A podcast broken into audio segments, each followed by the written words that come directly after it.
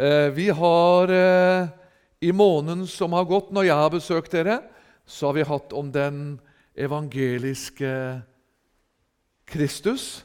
Om forskjellige sider av Jesus, både i Det gamle testamentet Bilder på Jesus, som jeg har vært inne på at eh, mange leser, også dem som er frelst, leser Gamle testamentet som det er liksom det som har med bud og regler og, og profetiske ting som bare var for de gamle.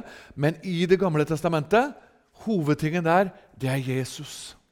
Masse bilder på det, og vi var inne på noe av det i forrige måned om den evangeliske Kristus første møte her i februar, og muligens også eh, neste gang, så skal vi ha litt om den profetiske Kristus. Det er veldig viktig. Vi lever i profetiske tider. Jesus kommer snart. Hvor er du på vei? Det er hovedteksten i formiddag. Jesus kommer snart. Hvor er du på vei? Og Når Jesus kommer snart, når det lyder, så er ikke det en fordømmelse for oss som er frelst, men det er et gledesbudskap. Halleluja, jeg er på vei til himmelen. Jeg skal møte Jesus snart. Men for den som ikke er frelst, og for du som lytter som ikke er frelst, så venter det et mørke. Men du kan få lov å møte Jesus og oppleve lyset. Halleluja! Jesus kommer snart. Hvor er du på vei? Det er masse sider ved profetiske ord. Vi har også vært inne på det i, i året som har vært. Eh, la meg si det på denne måten før vi leser teksten. Som noen også av de gamle veilederne sa De menigheter som ikke jevnlig underviser og tar vare på det profetiske ord, dem har faren for å komme inn i en forførelse og inn i å miste dette lyset som har med det profetiske ordet å gjøre. Det holder oss våken i denne tid og får lov å se tiden og se hva som skjer i eh, denne verden og i Guds menighet i det profetiske ord. Matteus 25, vi leser der ifra vers 31. Vi skal ta noen vers med oss der før jeg eh, går inn i eh, en spesiell eh, tekst vi skal dele, som har med dette emnet med Jesu gjenkomst å gjøre, så skal vi først lese teksten i Matteus 25. Vers 31 til 46 skal vi ta oss tid til å lese. Matteus 25, 31 til 46. Men når Menneskesønnen kommer i sin herlighet, alle englene med ham, da skal han sitte på sin herlighetstrone. Alle folkeslag skal samles for hans åsyn. Han skal skille dem fra hverandre, like som hyrden skiller fårene fra gjeterne. Han skal stille fårene ved sin høyre side, men gjetene ved den venstre. Da skal kongen si til dem ved sin høyre side.: Kom hit, dere min Faders velsignelse. Arv det rike som er beredt dere fra verdens grunnvoll ble lagt.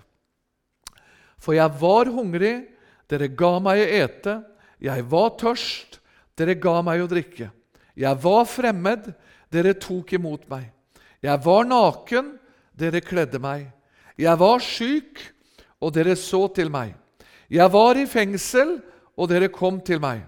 Da skal de rettferdige svare ham og si, Herre, når så vi deg hungrig og ga deg mat, eller tørst og gav deg drikke?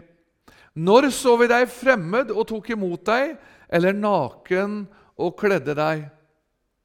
Når så vi deg syk eller i fengsel og kom til deg? Og kongen skal svare og si til dem, sannelig sier jeg dere, hva dere har gjort imot en av disse mine minste, det har dere gjort imot meg. Da skal han også si til dem på den venstre side.: Gå bort fra meg, dere forbannede, i den evige ild, som er beredt djevelen og hans engler. For jeg var hungrig, dere ga meg ikke å ete. Jeg var tørst, dere ga meg ikke å drikke. Jeg var fremmed, dere tok ikke imot meg. Jeg var naken, dere kledde meg ikke. Jeg var syk, og i fengsel, dere så ikke til meg. Da skal også de svare ham og si, Herre, når så vi deg hungrig eller tørst eller fremmed, eller naken eller syk eller i fengsel og tjente deg ikke? Da skal han svare dem og si, Sannelig sier jeg dere, hva dere, har, hva dere ikke har gjort imot en av disse mine minste, det har dere heller ikke gjort imot meg. Disse skal gå bort til en evige pine, men de rettferdige til evig liv. Dette er vår hovedtekst. Her underviser Jesus om det profetiske ord. Han underviser om dagen der framme, da vi alle står hjemme og skal møte ham, enten vi er frelst eller ikke frelst. Og som jeg har vært inne på før, dette med Jesu gjenkomst Vi venter nå på Jesus gjenkomst i lufthimmelen. Da han skal løfte brudeskaren inn i lufthimmelen, og vi møter ham. Vi venter ikke på at Jesus skal komme på Oljeberget nå. Det er en senere fase. Men vi venter på at Jesus i et nu, som Paulus sier i 1. Tessalonike B4, i et nu, i et øyeblikk, løftes vi inn i himmelen og skal se ham som han er. Halleluja, hvor jeg gleder meg til denne dag. Gjør du? Håper du er på vei til himmelen? Håper du gleder deg, at du ikke er sy, sur og mismodig og, og fordi at Jesus kommer snart. Vi elsker livet her nede. Jeg gjør det. Jeg elsker familien min. Men samtidig så er det sånn med den andre delen av hjertet vi lengter hjem. Vi skal se Jesus snart. Har dette blitt litt borte for deg? Da er det på tide at du våkner. At denne lengselen, samtidig som vi er her nede, samtidig som vi gjør våre ting, tar hånd om våre ting, så skal det også være et stort kammer i vårt hjerte. Jesus, du kommer snart. Halleluja, snart skal vi reise hjem. La meg bare få lov å si, før jeg går inn i den underteksten, for å si det sånn, det emnet vi skal dele som vedrører Jesu gjenkomst, som har blitt lagt på mitt hjerte i formiddag. La meg bare få lov å si sånn Det profetiske bildet Ørnene samler seg nå, som Jesus sier. Han sa at ørnene samler seg over åtselet. Og ørnene det er de forskjellige nasjoner. De samler seg over åtselet, som er jødene og Israel. Eh, og Jeg leste her på nettet i går eller forrige dagen på VG-nett. var det vel. Der var det en eh, kjent politisk person i Iran eh, som sa om Israel Israel er vår tids kreftsvulst, og for å eliminere den kreftsvulsten så må de dø. Venner, denne, disse nasjonene de er ute etter jødene og Israel. Og på forskjellige andre områder også så ser vi det profetiske ord snører seg. Vi må velsigne Guds folk, vi må velsigne jødene. Vi må se tidens tegn. Vekter, hvor langt er det på natten? Det profetiske ord, det snører seg sammen. Men vi, vi skal løfte våre øyne, vi skal se på Jesus. Akkurat som Jesus bygger der hjemme for oss det står i Johannes 14. Så står det 'Jeg reiser hjem, og så bereder jeg dere et sted'. Er du med? På samme måte så bereder djevelen antikristens plattform her. Det beredes en plattform for at Antikrist som person, når bruden er hjemme, rykkes opp, så kommer han inn, så er det en plattform som er klar, som han skal trå inn på. Men vi skal ikke vente på Antikrist, på Putin eller på hvem som helst. Vi skal vente på Jesus. Jesus kommer meget snart. Halleluja. Og jeg har lyst til å, uh, som jeg er kjent for uh, Det begynte egentlig å fødes i meg etter forrige møte. Kristi domstol og vår lønningsdag i himmelen. Er du klar for det? Er du klar for å lønnes hjemme hos Jesus ved Kristi domstol? Eh, en del slike emner da jeg var nyfrelst fra våre høvdinger som Svartdal, Gilbrandt, Kornmo og mange av de andre, så var dette et regelmessige tema. eh, som de fikk lov å se inn i, og se hva som venta oss der framme. Venner, vi som er frelst, for oss, hør nå, så ventes det ikke en dommedag. Det ventes ikke en evig ild. Her står det i teksten vi leste, at det var to slag. Det var det folket som venta evig ild. De skal framfor den hvite trone i himmelen. Men det er ikke den hvite trone vi skal dømmes for. Vi skal være fremfor Kristi domstol. Det er ikke populært i dag å si at det finnes et evig helvete og en evig ild. Men hvis vi vil være tro mot Guds ord, så må vi si det. Det gjør det for den som ikke er frelst. I det øyeblikk jeg og du dør, går vi enten inn i himmelen, eller så går vi inn i en evig død og fortapelse. Men Jesus vil bare ønsker deg bare fred og velsignelse. Derfor er det viktig at du får lov å skue himmelen. Venner, denne herlige dagen hvor vi skal lønnes for vår tjeneste.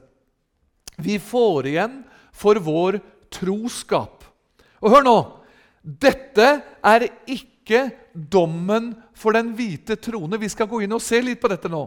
Men vi skal lønnes for våre gjerninger, for det du og jeg har gjort, så er det en himmelsk lønnstabell. Lønnen er ikke målet. Nei, det er himmelen som er målet. Men venner, det er en lønningsdag der hjemme. Eh, det er en lønningspose. Det blir en konsekvens av hvordan vår vandring er med Jesus. Og som Sverre Kornmo sa den gang når han underviste om disse temaene, så sa han du som er misunnelig på alle de som lønnes her hjemme, sa han, ikke vær det. For at det kommer en lønningsdag der hjemme i himmelen, og da kan lønningsposen se helt annerledes ut for deg. Halleluja! Lønningsdagen for Kristi trone der hjemme, for den frelste skare. Eh, og jeg har lyst til å ta med deg så du skal se litt forskjellen på disse herlige tingene. Vi skal begynne litt i Det gamle testamentet. Så skal vi begynne i Ruths bok. Ruths bok. Eh, det er etter Mosebøkene. Så får du Josvas bok, og så får du Dommernes bok, og så får du eh, Ruths bok. Eh, og jeg elsker jo, som dere allerede vet lenge, å undervise i Guds ord. Og det å lese Guds ord, det er viktig. Nå kommer han tørre John Willy igjen, som bare leser Guds ord hele tida. Ja. Men hva sier Skriften? Legg vind på opplesningen av Skriften. Ja. Og Da var det ei gammel søster hjemme i menigheten i Rakkestad, i Østfold, der jeg er ifra. Så sa hun det at eh, når du reiser ut nå som evangelist, sa hun, så husk på det at les mye Guds ord. Fordi at eh, Når du reiser derifra Du kan eh, fortelle historier litt forskjellig, sa hun. Men det er Guds ord som menigheten husker. Det er Guds ord du legger igjen i forsamlingen. Legg vind på opplesningen av Skriften. Ruths bok, kapittel 2 og vers 12. Ruth er et veldig bilde, eh, både profetisk og åndelig. Les Ruths bok. Det er en veldig spennende bok. Det er en profetisk bok om Israel, men det er samtidig en profetisk bok om vårt åndsliv og masse bilder på frelsen. Ruth 2,12. Hør! Ruths bok, kapittel 2, vers 12. Herren skal gjengjelde deg hva du har gjort.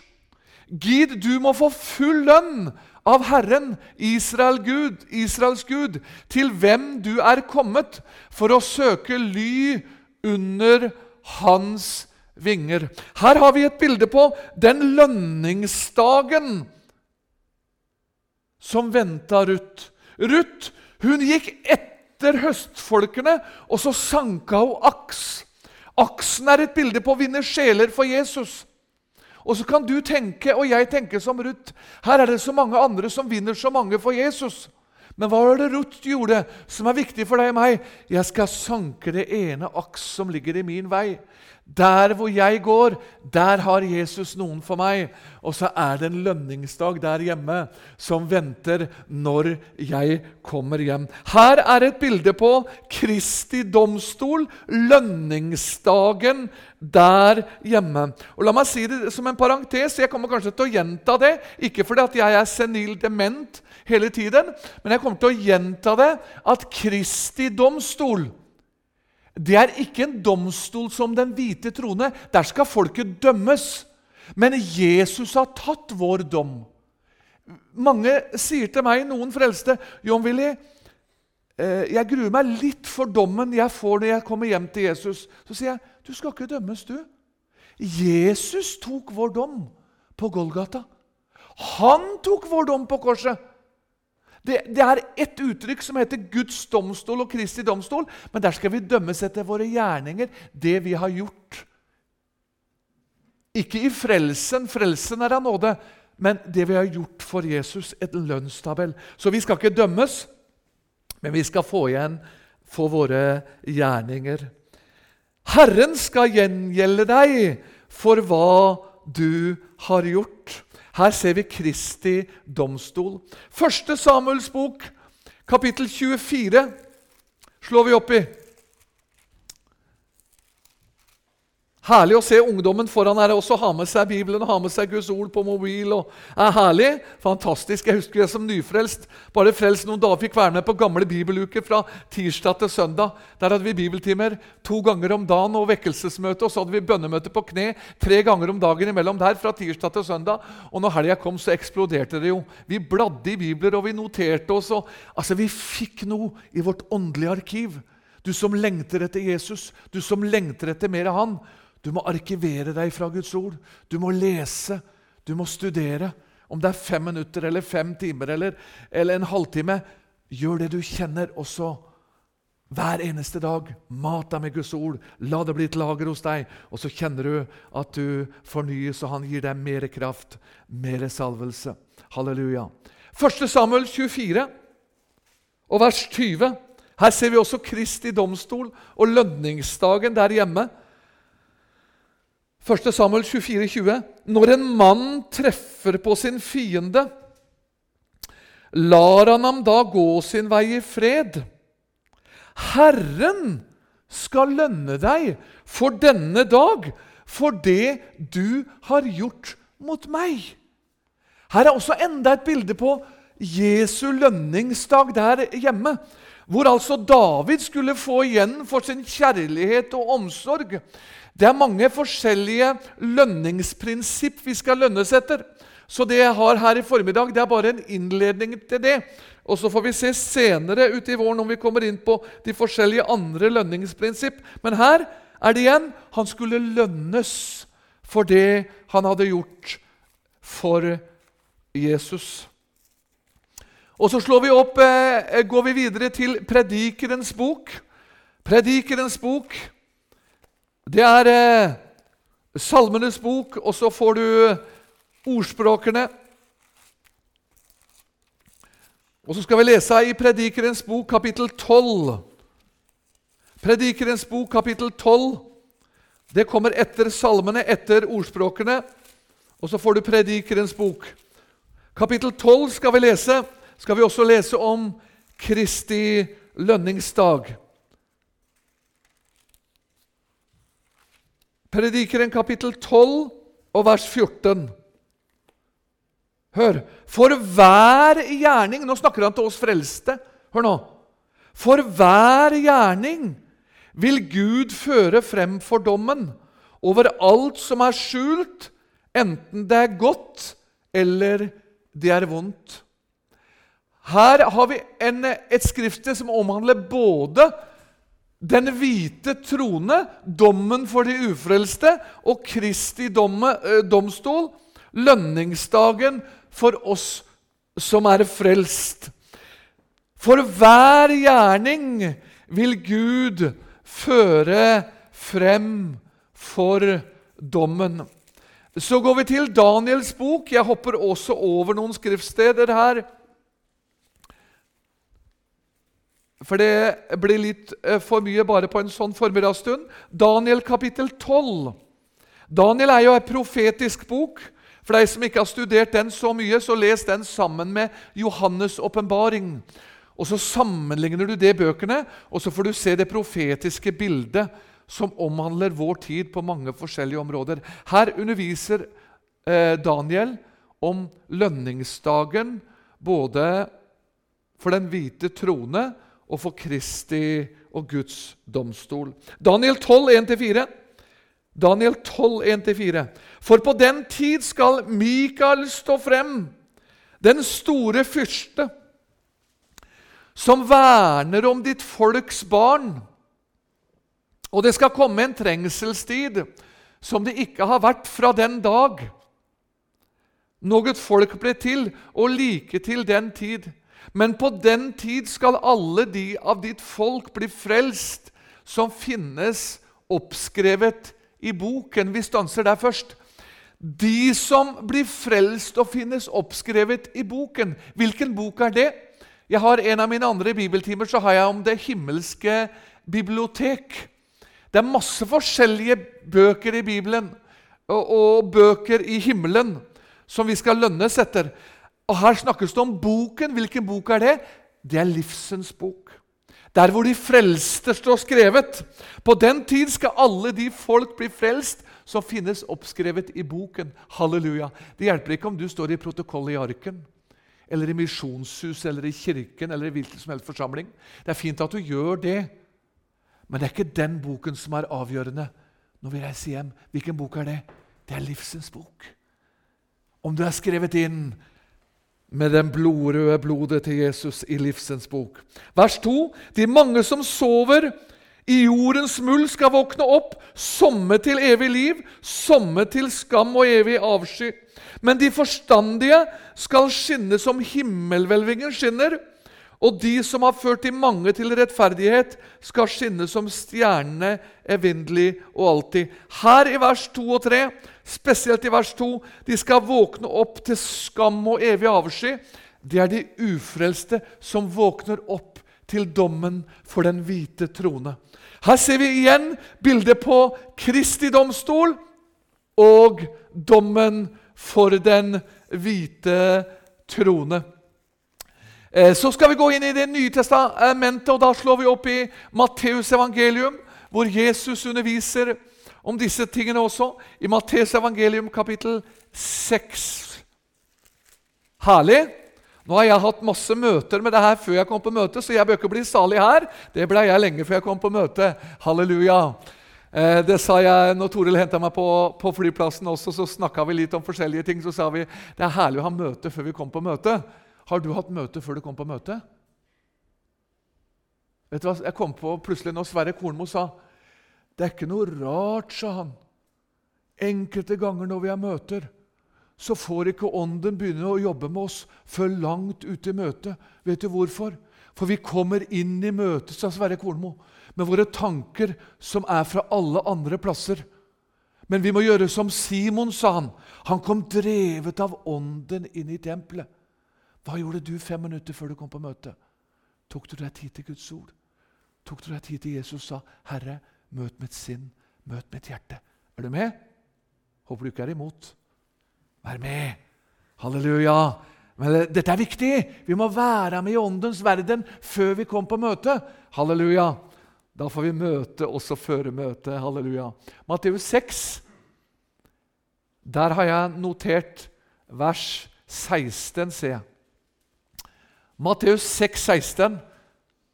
Det er masse skriftsteder, eh, men vi må bare ta hoveddelene her.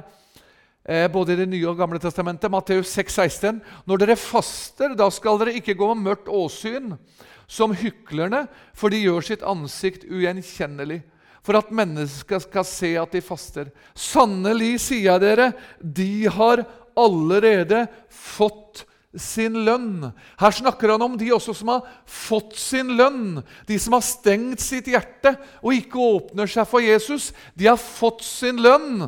Og så kommer det da en lønningsdag der hjemme hvor de skal lønnes etter det. Og så skal vi lese i Johannes evangelium kapittel 3, hvor Jesus også underviser om livets dom, som er der hjemme. Johannes evangelium kapittel 3. Jesus underviste jo masse om det profetiske ord. Først og fremst om frelsen, Golgata og himmelen. Men så hadde han masse om det profetiske ord. Og Her kommer han inn på det som jeg allerede sa, at vi som er frelst, vi skal ikke dømmes, men vi skal bedømmes. Det er to forskjellige ting. Å dømme og bedømme det er for to forskjellige ting. Vi skal bedømmes etter det vi har gjort her nede. Johannes 3, og så leser vi der vers 18. Den som tror på ham, blir ikke dømt. Den som ikke tror, er allerede dømt fordi han ikke har trodd på Guds enbårne sønns navn. Her kommer altså enda en stadfestelse streket under med flere streker av Jesus. Hør! Du som frykter, tenk at jeg Det er nemlig sånn, for vi, vi er mennesker, og mange ting kan plage oss av forskjellige ting. Og det er mange gamlefrelste som like før de går over floden, så er de sterkt Vi som er i mange sjelesorg med mange, så er de sterkt plaget i sitt sinn av fordømmelse. De, de skal reise hjem, men så er det med frykt at de skal dømmes der hjemme. Men hør med venn, hvis ditt liv er under blodet, sammen med Jesus, uansett hva du kjenner i sinnet ditt, hva slags uroligheter du har i, i hjerte og sinn, du skal ikke dømmes. Jesus tok din dom. Halleluja. Han tok din dom for at vi skulle slippe å dømmes. Han tok min dom. Vi skal ikke dømmes, men de som ikke tror, de er allerede dømt. Går jeg fort for tidens skyld til Romerne 14, og nå skal vi komme inn på disse uttrykkene, om du ikke har lest dem før. Guds domstol, skråstrek Kristi domstol. Det er det samme. Romerne 14 Romerbrevet 14. Paulus underviser masse om disse ting. Romerbrevet 14, 10-12. Her kommer han også på, inn på dette med å dømme sin bror og søster, som de dessverre har masse ting av i dag, selv dessverre i Guds menighet. Må Jesus løse oss med det. Romerne 14, 10-12. Men du, hvorfor dømmer du din bror? Eller du, Hvorfor ringakter du din bror? Her kan det jo like gjerne stå 'søster'. Vi, og så kommer han. Vi skal jo alle stilles frem for Kris, frem for Guds domstol. Og Her snakker han også om de frelste. Her snakker han ikke om de ufrelste. Her snakker han om de frelste. Du som dømmer det ene, og du som dømmer det andre. Det er Guds dom, det her. Vi skal alle stilles frem for Guds domstol. Vers 11.: For det er skrevet, så sant jeg lever, sier Herren. For meg skal hvert kne bøye seg, hver tunge skal prise Gud. Så skal da, vers 12 til slutt, så skal da, hør nå, du gjøre regnskap for de andre i arken Askøy. Står det det? Nei. Du skal gjøre regnskap for deg selv. Er du med? Du skal gjøre regnskap for deg selv. Hver av oss, står det, skal gjøre Gud regnskap for seg selv. Vi som forkynnere og sjelsørgere vi har møtt så mange mennesker som har blitt skada, som er eh, blitt skyvd ut i kulden, for å bruke det uttrykket, også bort fra Guds menighet. De har blitt fordømt for det ene og de har blitt fordømt for det andre. De har snubla og de har falt både i det ene og det andre. Hør, min venn, nå skal vi ikke dømme hverandre. Det er ikke det vi trenger nå, å kaste sten på hverandre. Nå, nå snakker ikke jeg det om å stå for Guds ord, ha en ramme, men jeg snakker om å dømme hverandre, for det er ikke din og min oppgave. Det er Kristus som skal gjøre det. Hver av oss skal gjøre regnskap for oss selv. Så du skal ikke gjøre regnskap for bror og søstera di. Nei, det skal vi gjøre fremfor Kristi domstol. Første Korinterbrev, kapittel 3. Der står det at du skal få din egen lønn. Du eh, kan ikke få lønn for den som er ved siden av deg eller de andre, men du skal få din egen lønningspose. Og Så må du ikke bli misunnelig når du kommer hjem på at den andre har fått større eller mindre enn deg, men du må passe på din egen lønningspose. 1. Korinterne 3, 6-8. Det er forskjellige gjerninger og forskjellige lønningsprinsipper. Dette her er så spennende og interessant å studere. 1. Korinterne 3, 6-8. Hør! Jeg plantet, Apollos vannet, men Gud ga vekst. Derfor er verken den noe som planter, eller den som vanner, men Gud som gir vekst. Hør! Men den som planter, og den som vanner, er ett. Og så kommer det. Dog skal enhver av dem få sin egen lønn etter sitt eget arbeid. Er du med? Ja. Ja, jeg skulle ha vært predikant, eller jeg skulle ha vært Erlend som leder møtet, eller jeg skulle ha vært den, eller jeg skulle ha vært den som gjør det. Nei, du skal gjøre din gjerning, det Gud har satt deg til. For sammen så er vi et redskap for Gud og himmelen. Apollos vannet, jeg plantet, men det er Gud som gir vekst. Halleluja! Og når vi kommer hjem, venner, så skal vi komme hjem. Da skal vi ikke først og fremst ikke, Det er ikke sånn at vi skal strebe etter Nå skal jeg først og fremst leve så bra og godt så jeg virkelig får lønningspose der nede. Nei, du skal ikke fokusere på lønningsposen. Du skal ikke fokusere på gjerningene. Skjønner du? Det blir feil. Du skal leve under blodet, gjøre tingene for Jesus, og så kommer lønnen der framme. Her ser vi lønnen for Kristi domstol. Og det uttrykket 'Kristi domstol' det finner vi i 2. Korinterne.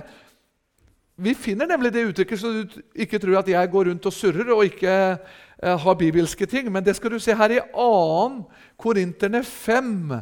Der kommer uttrykket 'Kristi domstol', altså Jesu domstol. Og så skal, få, skal, vi lese noe etterpå hvor den domstolen skal være, hvor lønningsdagen skal være. Så konkret er Guds ord hvor den skal være, hvor hen vi skal lønnes. Her er masse herlige ting. skjønner du. Bibelen det, det er fantastisk. 2. Korinterne 5 og vers 10. For vi skal alle åpenbares for Kristi domstol. Er du med? For at enhver skal få igjen det som er skjedd ved legemet, efter det som han har gjort, enten det er godt eller det er vondt. Ja, men vondt kommer jeg til himmelen hvis jeg gjør vonde ting. Du, Det er ingen av oss som er fullkommen. Vi snubler og vi faller. Vi ønsker ikke og vil gjøre vi ønsker ikke å gjøre vonde ting, men hele veien mens vi er frelst, så gjør vi ting som kan være litt vondt. Her skal vi lønnes etter det vi gjør vondt eller godt. Vi skal lønnes for Kristi domstol. Og hvor skal denne lønningsdagen og lønningsmåten skje på? Jo, det finner vi i Johannes' åpenbaring, kapittel 22 og vers 12. Eh, Jesus han har med seg lønnen når han kommer på skyen. Når han kommer i lufthimmelen. Dette er herlig, skjønner du. Nå må jeg gå litt fort for tidens skyld. her. Det er masse skriftsteder jeg ikke rekker å ta, som vanlig. Åpenbaringen 22 og vers 12. Det er herlig. Vi har lest det flere ganger, men kanskje ikke du har tenkt over hva som står. Johannes 22, 12. Se, jeg kommer snart. Og hør nå. Og min lønn er med meg til å gi enhver igjen eftersom hans gjerning er. Og Der skal du ikke slå opp nå, men du kan også gjenta dette. står også bl.a. i Esaias 40, kapittel 10.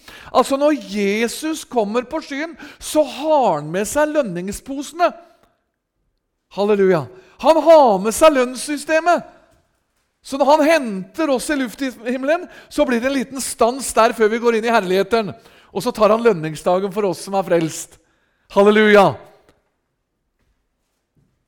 Og så er det noen av oss som blir, kan bli misunnelige den ene på den andre. Men Herren har oversikt med oss alt. Et lite bilde på det var Oddvar Nilsen. Det er noen som kjenner han, En kjær høvding i pinsebevegelsen. Redaktør i Korsets Seier. Han var en forkynner av Guds nåde. Og så sier han, for Noen er opptatt av det store og det svære når det gjelder lønningsdagen. At det, ja, den har frelst vært med på å vinne i så mange sjeler for Jesus, og dem som er i lederskapet, dem får nok mer lønn enn en oss andre. Nei, det er ikke sånn. Lønningsprinsippet er helt annerledes. Og så sier Oddvar Nilsen, kan du tenke deg at vi er i himmelen? Når Jesus kommer med lønningsposene våre, og så sier han f.eks. til lønningsengelen, for det er engler som har forskjellige oppdrag, så sier han nå kan fru Olsen komme frem. Men så plutselig så høres det ifra denne himmelske salen så sier de, ja, men fru Olsen Det er jo mange fru Olsen i himmelen. Hvilken fru Olsen er det du mener? Når Jesus sier fru Olsen, så vet fru Olsen hvem det er, for alt er fullkomment. Og så kommer fru Olsen frem. Og så får hun en gedigen lønningspose, sier Oddvar Nilsen. Og så snur hun seg mot lønningsengelen, og Jesus sier Nei, Jesus, nå har du tatt feil. Du har tatt helt feil. Nå var akkurat profeten Elias framme, og han fikk denne svære posen. Han hadde gjort tegn og under og masse ting. Jeg skulle bare hatt en sånn liten pose, for jeg er fornøyd bare jeg kommer inn i himmelen. Ja. Nei, du skal Skal vi se, sa lønningsengelen. Skal vi se hva som står? Ja, nei, det er riktig. Så sier Jesus, det er riktig, det. Du skal ha like stor pose som profeten Elias. Hvorfor det? Hvorfor skal jeg ha det? Jo, husker du den varme dagen sier Oddvar Nilsen. Husker du den varme dagen da det kom en tjener forbi ditt hus? Du bare var hjemme på kjøkkenet. Du gjorde dine praktiske ting med å bake og rydda på kjøkkenet. Så sto vinduet oppe, så så du Guds tjener var tørst. Da gikk du til springen og så ga du en kaldt glass vann. Hva sier Skriften her? Jo, da sier den at den som gir min tjener en kaldt glass vann, han skal få en profets lønn. Lønningsposen din, den er like stor. Halleluja, og så blir det salighet, og så blir det glede. Men er det et annet lønningsprinsipp i himmelen? Ser du? Hæ? Halleluja. Han, han ser med alle andre øyne enn det vi gjør. Vi er så opptatt av det store og det svære. Vi, vi skal ikke være opptatt av det, og ikke først og fremst selge med lønningsposen. Men dette er bare et bilde på, på alle ting som skal foregå der hjemme når Jesus kommer. og det er herlig å se inn i. Men fokuset vårt skal være på nå må jeg vinne sjeler for Jesus. Nå må jeg være opptatt med at nå må jeg ha med meg min bror og søster til himmelen der hjemme. Halleluja! Vidunderlig! Eh, ja, nå har det allerede gått en halvtime, og jeg har nesten ikke innleda engang. Så da må jeg gå til Åpenbaringens eh, bok, eh, kapittel Eh, det er kapittel 21. Kapittel, kapittel 20 er det. Jeg hadde gått eh, foran eh, og studert det her. Her har vi mange forskjellige profetiske ting. Som jeg har sagt før, i ett kapittel så kan det være mange forskjellige profetiske ting. Og nå er vi i tronen. Nå er vi framfor tronen. Nå er vi hjemme hos Jesus alle sammen. Og nå er vi der framfor den hvite trone. Altså Vi leste i Matteus 25. Det er et bilde på det som skjer her i Johannes' åpenbaring 20. Johannes' åpenbaring kapittel 20, og så leser jeg fra vers 11 til vers 15 her i, i, i avrundingen av min undervisning i formiddag om lønningsprinsippet og Kristi domstol der hjemme. Johannes' åpenbaring 20, 11-15. Jeg så en hvit trone. Han som satt på den, og for hans åsyn vek jorden og himmelen bort. og det ble ikke funnet sted for dem. Hør nå. Og jeg så de døde, små og store, stå for Gud. Bøker ble åpnet, og en annen bok ble åpnet, som er livsens bok. Og de døde ble dømt etter det som var skrevet i bøkene, efter sine gjerninger. Og havet ga tilbake de døde som var i det, og døden og dødsriket ga tilbake de døde som var i dem. Og de ble dømt, enhver efter sine gjerninger. Og døden og dødsriket ble kastet i ildsjøen. Dette er den annen død, ildsjøen. Og hvis noen ikke fantes oppskrevet i livsens bok, da ble han kastet i ildsjøen.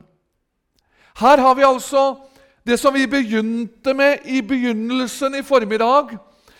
At vi har masse skriftsteder fra Det gamle testamentet til det nye om Guds dommedag, eh, Kristi domstol og mange ting.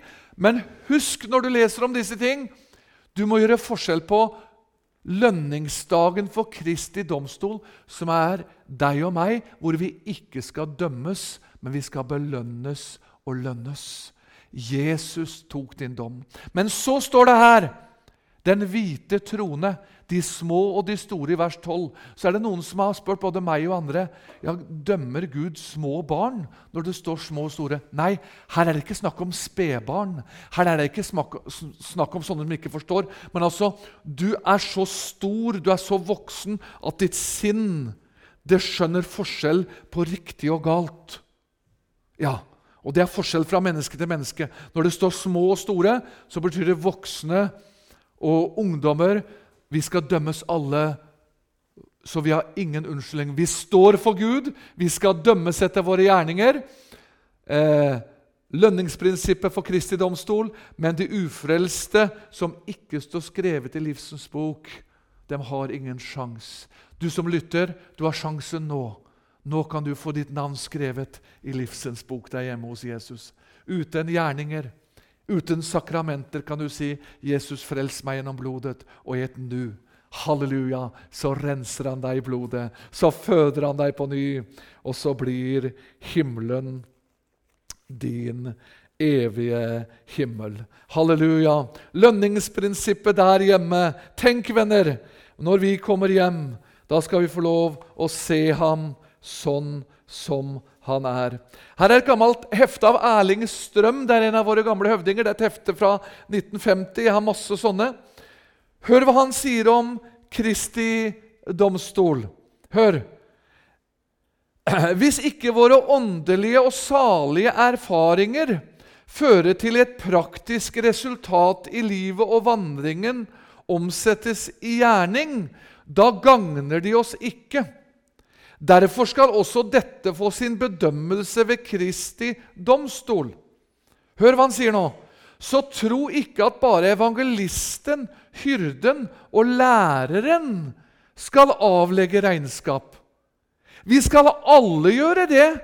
Det skal bedømmes hvordan vi har utnyttet de naturlige og praktiske muligheter Gud har gitt oss. Det er ikke de spesielt fremtredende stillinger det gjelder. Kanskje Guds mening med deg hør nå, er at du skal være en av de mange ukjente soldater i Guds rike. Disse som tross sin anonymitet er så nødvendige hvis seieren skal vinnes for Jesus. Og Hør hva han sier. Glem ikke at i Guds øyne så er den minste gjerning verdifull, for den tjener et stort hele i Guds rike. Du var tro over lite, fikk den gode tjener høre. Det minste lem i legemet er nødvendig. Den usynlige sten i bygningen er like uunnværlig som den mot fasaden. Det minste hjul i maskineriet er like viktig som det største. Den minste detalj må være i orden. Vi må være tro, enten vi har fått én eller fem talenter. Halleluja! Venner, ja, men jeg kan ikke gjøre noe i Arken Askøy, sier du. For jeg er ikke Erlend, eller jeg er ikke Morgan, eller jeg er ikke Hjørdis, eller jeg er ikke Kari. Jeg er bare et lite lem på legemet. Herren har en plan for deg. Du kan utgjøre forskjellen der hvor du er satt. På skolen, på arbeidsplassen din. Der er du et lys. Der skal du bruke lyset. Ja, Men jeg har liksom ikke den svære lyskasteren som lyser opp alt. Det lille lyset du har, det skal du ta med deg ut i hverdagen. Vet du hva vi gjør feil mange ganger? Vi skal liksom samles bare i Guds menighet, og alt skal liksom bare foregå i menigheten. Og Det er veldig fint å være i menigheten. Vi trenger fellesskapet, og det er viktig. Men lyset vårt skal først og fremst lyse der ute. Er du med? Her trenger du ikke først og fremst lyse opp så veldig, for her er det jo lys. Når Jesus sier 'dere er verdens lys', så mente han vi skulle ta det lyset som var i stakken, og så skal vi gå ut der det er mørkt. Og der det er mest mørkt. Det er der vi virkelig trenger lys. Halleluja. Så når jeg leste da dette sitatet, så tenkte jeg Du som syns du er mest ubetydelig, du som syns du får gjort minst for Jesus, kanskje der hjemme i himmelen som vi har vært inne på i formiddagens tema, når lønningsdagen kommer for Kristi domstol, så skal du få en sånn lønningspose. Så du klarer ikke å bære den sjøl, du må ha hjelp av en to-tre stykker. For du har gjort din gjerning i hverdagen, og den er mektig. Halleluja. Og, og, og det er ikke bare dette med at sjeler blir frelst, og det synlige. Nei, praktiske gjerninger. Gå til naboen, hjelpe dem med diverse praktiske ting der ute i hverdagen. Ha omsorg og kjærlighet for de ufrelste. Ikke først og fremst tre Guds ord nedover huet på naboen, men gå ut og gi en hjelpende hånd. Her, venner, dette er praktiske ting. Og ikke minst, det er så mange der ute. De venter ikke først og fremst på Guds ord bestandig. Prekener. De venter på varme hjerter. Halleluja. Dette er hovedprinsippet i lønningsdagen. Ta hjertet ditt ikke ta liksom Ja, jeg må ha en teologisk pakke. Jeg må liksom, Nå må jeg ha så og så mye utdannelse og så mye, mye bibelskole. Bruk det du har, på din naturlige måte. Ja, men jeg er ikke frimodig, sier du. Du har din frimodighet og Jesus. På din naturlige måte skal du gjøre det. Noen ganger så sier vi jeg skal avrunde nå, for nå runder jeg tre kvarter. Ja, nå må du vitne, nå må du synge, nå må du på gatene og be med tid til frelse. Nå må du gjøre så og så. Du må ikke noe som helst, du. Du skal gjøre det som Jesus-hjertet ditt minner deg om. Og hva begynte vi med? Hva begynte vi med? Jeg var hungrig. Dere ga meg å ete. Hva gjør vi med byen Bergen? Det er mange utslåtte, det er mange fattige. Nå taler jeg til menigheten. Har vi prøvd å smøre noen matpakker? Har vi prøvd å komme sammen en lørdag? Smøre noen matpakker, ta dem ut. Du bør ikke være frimodig til å si noe som helst. Du kan ha din munn lukket. Du kan bare gå ut og så levere noen matpakker. Gjøre noen praktiske ting. Er du med? Jeg håper inderlig du var med, så du ikke har sovna allerede. Jeg var tørst. Dere ga meg å drikke. Jeg var fremmed. Dere tok ikke mot meg. Det er mange fremmedarbeidere, mange som ikke er inne i miljøene. Hvor er vi igjen? Jeg var naken. Dere kledde meg ikke. Det er mange som i dag ikke engang har råd til klær, nesten. Jeg var syk. Jeg var i fengsel. Dere så ikke til meg. Venner, ser du alle disse praktiske tingene? Her ligger vekkelsen. Og La meg få sitere David Wilkerson til slutt. Jeg har sagt det før. Vi ber 'gi oss vekkelse'. Kjære Jesus, nå må du sende vekkelse. Slutt å be den bønna. Ikke be den en gang til. Jesus venter på oss. Er du med? Du skal ikke be Jesus sende oss vekkelse. Nei, gjør meg klar til vekkelsen. La meg få lov å ta mitt lys og gå ut. Er du med? Ja, nå har jeg lyst til å ta enda en bibeltime til, men det får jeg heller fortsette med neste, søndag, jeg kommer. Hører du med? Er du med? Ikke be send vekkelse. Gud, gjør noe, du nå. Han venter på oss. Han venter på deg. Han venter på meg. Du som er ungdom, gå ut der du har dine hobbyer og interesser, skole, jobb, hva som helst. Vær et lys. Når du får anledningen, så bringer du lyset ditt frem på din naturlige måte. Halleluja! Og plutselig så er arken for trang. Plutselig så er det så mye folk at vi får ikke plass her. Er du med? Vi må gjøre noen ting. Halleluja. Sammen så er vi dynamitt. Sammen så skal vi oppleve at det eksploderer for Jesus. Halleluja. Og så siterer jeg David Wilkerson om profetordet. Eh, vi skal ikke la oss bli overveldet av noe mørke. Når belgmørket dekker jorden, må vi forvente at Herren skal skinne i all, all sin herlighet og utfri mengder. Kjære troende, frelste sjel. Når mistet Gud makten til å frelse de verste synderne på jorden? Når mistet han villigheten til å utfri narkomane, drankere og prostituerte? Ville Gud på en eller annen måte bestemme seg for å ikke frelse familiemedlemmer som du trofast har fastet og bedt for? Absolutt ikke. Du kan utfri den verste homoseksuelle. Gud kan forløse hvilket som helst muslim i et hvilket som helst land. Ja, Gud min Jesus, du kan frelse hele medlemmer av familien. Din arm er ikke for kort. Du kan frelse hvem som helst. Halleluja! Venner, dette er vår gjerning. Dette er vår gjerning i denne tid. Vi skal gå ut. Jesus kommer snart. Hvor er du på vei, både åndelig og du som ikke er frelst? Vi som er frelst, hvor er du på vei i ditt åndsliv? Har du bare tenkt at 'ja, jeg går på arken, jeg er her'? Nei, nå kommer Jesus snart. Nå må vi berge sjeler for himmelen. Nå må vi ha med oss flere hjem for Kristi domstol lønnen der hjemme. Min pose skal være full av sjelers frelse. Ikke i egen kraft, men at jeg gjør det som er naturlig for meg. Halleluja. Men tror vi på sjelers frelse? Tror vi på fornyelse?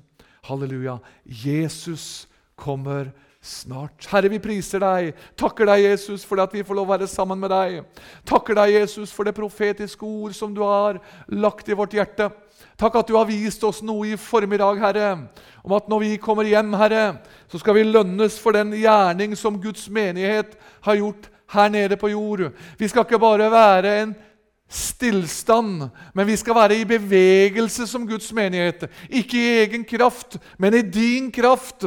Og takk, Jesus, at når jeg kommer hjem, så skal jeg få lov å være hjemme hos deg og få lov å se alle de som i min tjeneste jeg har fått lov å berge til ditt navn. Men størst av alt og fremst av alt, det er at vi er frelst under blodet.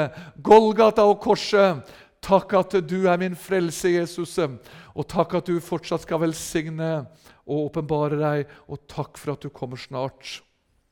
Amen.